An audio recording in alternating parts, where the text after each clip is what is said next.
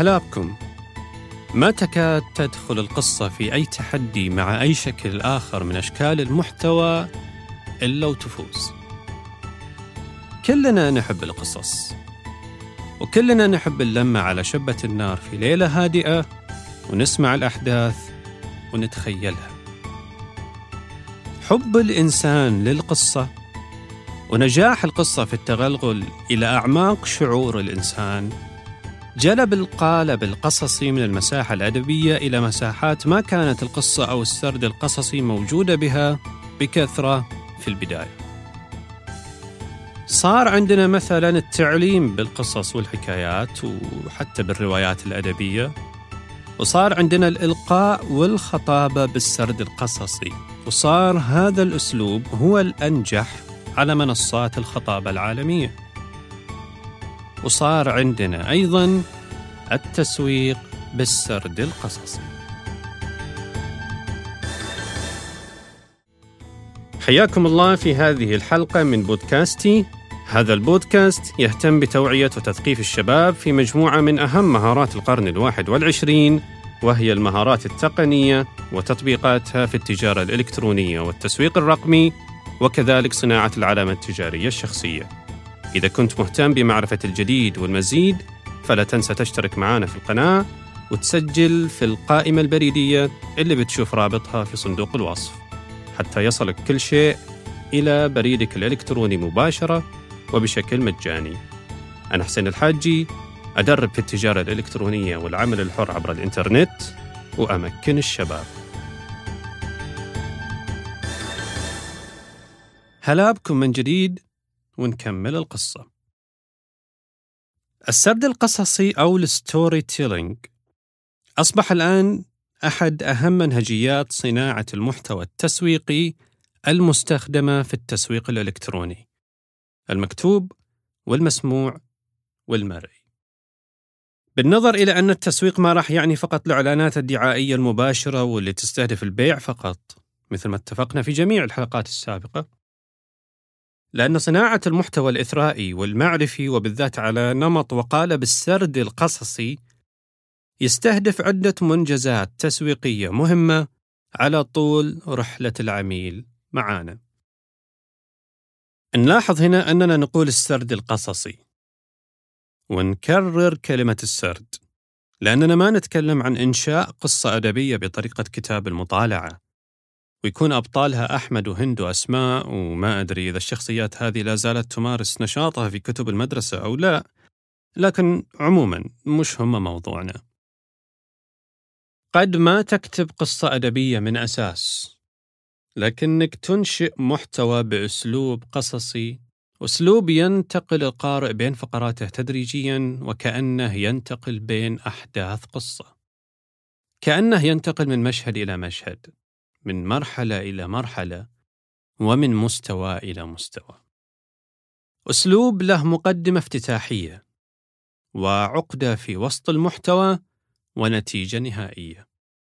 وممكن تستخدم معه بعض التقنيات الكتابية اللي تخاطب القارئ أو تساعده على تخيل الأحداث والحالات المكتوبة وكأنه بطل المشهد.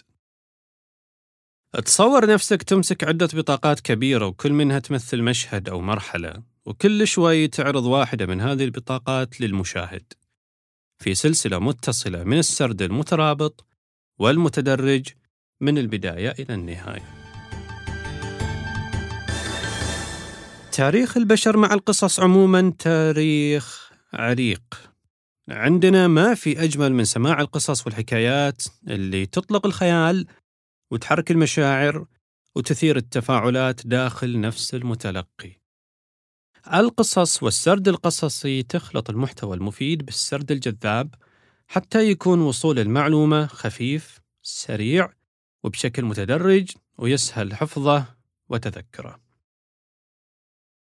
ومثل القصة العادية، فالسرد القصصي ما يتكلم فقط عن نص مكتوب، لأن مختلف قوالب النشر ممكن تستوعب السرد القصصي لأنه ما يتطلب بالضرورة اختراع أحداث وحوارات وشخصيات هذه الطريقة عبارة عن تحديد رسالة واضحة يراد إيصالها للمتلقي ثم تجزئة هذه الرسالة إلى بداية وعرض ونهاية أو نتيجة. وبطبيعة الحال سيتم بناء هذا المحتوى بالتناسب مع الجمهور المستهدف واللي راح يحدده الشخص بوضوح من البداية. لأنه راح ينتقل بهم من المرحلة اللي هم فيها إلى المرحلة اللي يريد يوصلهم لها. نفترض شخص تخصصه برمجي مثلا ويرغب في بناء جمهور بالتسويق لنفسه عن طريق نشر محتوى يثبت رسوخ قدمه في هذا التخصص. مرة يقدر يجيب معلومة محددة وينشرها بشكل مباشر بدون أي إضافات. مثلا بيتكلم عن أداة تقنية مهمة مستخدمة في هذا التخصص ويشرح كيف تستخدم وفقط. ومرة أخرى يتكلم عنها بطريقة مختلفة. يبدأ بالحديث عن وجود مشكلة أو حاجة يواجهها المبرمجون في أعمالهم وبيكون حاط بباله أنه مستهدف الفئة اللي لسه ما تعرفت على هذه الأداة وتحتاجها فعلا. يسرد أبعاد هذه المشكلة أو الحاجة وتأثيرها على سير العمل والصعوبات اللي تخلقها. ثم يختم بالحديث عن الأداة التقنية اللي تحل هذه المشكلة وتسد هذه الحاجة وكيف راح يتطور الأداء والإنجاز باستخدامها. خلال هذا المثال البسيط، المبرمج نقل المشاهد عبر عدة مشاهد ومراحل، مشهد ومرحلة فيه مشكلة أو حاجة، مشهد ومرحلة فيه آثار هذه المشكلة أو الحاجة اللي هي العقدة، ثم مشهد ومرحلة فيه حل ونتيجة جيدة. تسلسل مترابط ومتدرج يخلي المشاهد أكثر قناعة بالنتيجة لأنه يجيها من الجذور. أحسن من أنه فقط يقفز للنتيجة وهذا قد ما يقنع المشاهد بأهميتها ومميزاتها ودورها. ما تخلو أي أداة أو منهجية نستخدمها في تخصصاتنا ومهامنا الوظيفية المختلفة ولا حتى أغلب المنتجات والخدمات اللي نستفيد ونفيد بها في حياتنا. ما تخلو من غاية أو هدف أو ميزة كانت هي الدافع لوجودها أو كانت هي القصة وراء تشكلها وتميزها. وهذا الهدف والغاية لهم علاقة بالشيء قبلهم هو السبب. والشيء بعدهم هو الأثر. أنت كصانع محتوى وسارد قصصي تحتاج تأخذ المتلقي عبر هذه الرحلة حتى يتشرب القناعة بأهمية ما تحدثه عنه وحتى يتحمس يكمل معاك للنهاية. هذه الطريقة تستخدم حتى في تسويق المنتجات بالذات إذا كان في منتج أو خدمة مميزين جدا أو جدد توهم نازلين السوق يحتاج المسوق يصنع لهم قصة حتى يشرح للناس أهمية وميزة ودور هذا المنتج والخدمة في حياتهم. وإذا حاب تتعرف على بعض الطرق الشائعة في بناء المحتوى القصصي فواحدة منها ما يسمى إطار SCQA وهي اختصار لكلمات إنجليزية. S ترمز لل situation اللي هي الحالة الراهنة وخلنا نقول عنها هي المدخل أو البداية. C ترمز لل complication وتعني العقدة أو المشكلة أو الحاجة الموجودة في حياة الجمهور المستهدف واللي أنت راح تقدم لها حل في النهاية. سواء بمنتج أو خدمة أنت تطرحها أو معلومة تدلهم من خلالها على الحل. Q ترمز للكويستشن وهنا راح تخلق سؤال من الحالة والعقدة. سؤال تتخيل أنه يراود نفس العميل أو المتابع أو الجمهور المستهدف عموما وتذكره بوضوح حتى تشدهم من خلالها للفقرة القادمة اللي هي ال A الأنسر. الجواب والجواب هنا هو حل المشكلة. هو المعلومة المهمة هو الطريقة اللي فيها سد الحاجة. كمثال تطبيقي سريع على هذا الإطار ناخذ هذا النموذج التالي. أعداد كبيرة من الشباب والشابات يتخرجون سنويا من المؤسسات التعليمية المختلفة الجامعات والكليات والمعاهد وبتخصصاتها الكثيرة. والنسبة الأكبر منهم تدخل إلى سوق العمل للبحث عن وظائف مما يخلق تنافسية عالية على فرص قد تكون محدودة. وهذا يجعل الفرد يحتاج إلى الاستعانة بأدوات وطرق أكثر فعالية من الطرق الروتينية والتقليدية في البحث عن الوظيفة والوصول لصناع قرارات التوظيف وجذب اهتمامهم. فكيف ممكن نقصر الرحلة ما بين حديث التخرج وفرصته الوظيفية الأولى؟ وكيف ممكن يستعد الشاب لهذه المرحلة حتى وهو على مقاعد الدراسة وقبل التخرج؟ وأفضل جواب على هذا السؤال هو أن أبرز الطرق الفعالة لهذا الغرض هي العمل على صناعة العلامة التجارية الشخصية وبناء شبكة علاقات مهنية في العالم الافتراضي وبشكل مبكر عبر مختلف منصات التواصل الاجتماعي ومن أهمها منصة لينكدين اللي تجمع أكبر مجتمع مهني من حول العالم ليكون لدى الفرد بعض الأوراق التي يمكنه المراهنة عليها بعد التخرج.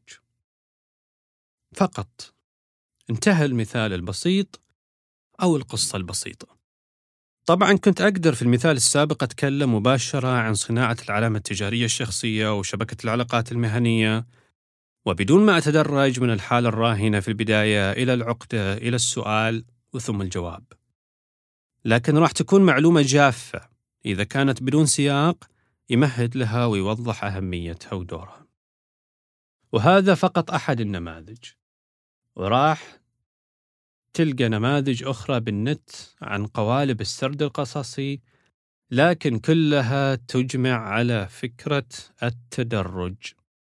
عدة مشاهد تنتقل بالمتابع من مستوى إلى مستوى.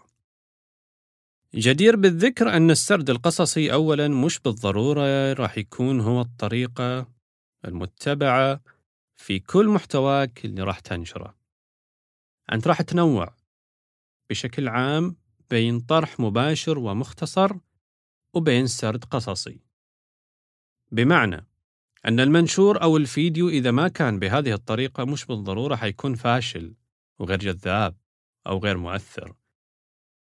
لأن أحيانا قوة المعلومة نفسها تخلي المنشور يتجاوز كل القواعد ويحطم الأرقام حتى لو ما استخدمت فيها أي تكنيك تسويقي.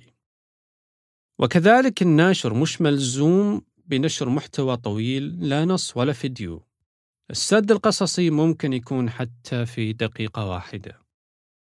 عموما كل ما كنت راعي سواليف وأسلوب قصصي ممتع بشكل عام كل ما صار لك مهتمين وجمهور سواء في الشغلات الوظيفية أو الحياتية عموما بنهاية الكلام المختصر هذا عن السرد القصصي نكون أتممنا الكلام عن الجزء الأكبر من محتوى حلقات تسويق الذات وصناعة العلامة التجارية الشخصية. في الحلقات القادمة بنتكلم بشكل مفصل عن الممارسات الأفضل عند استخدام بعض المنصات والأدوات المحددة مثل لينكدين والتواصل بالبريد الإلكتروني وغيرها فخليكم قريبين.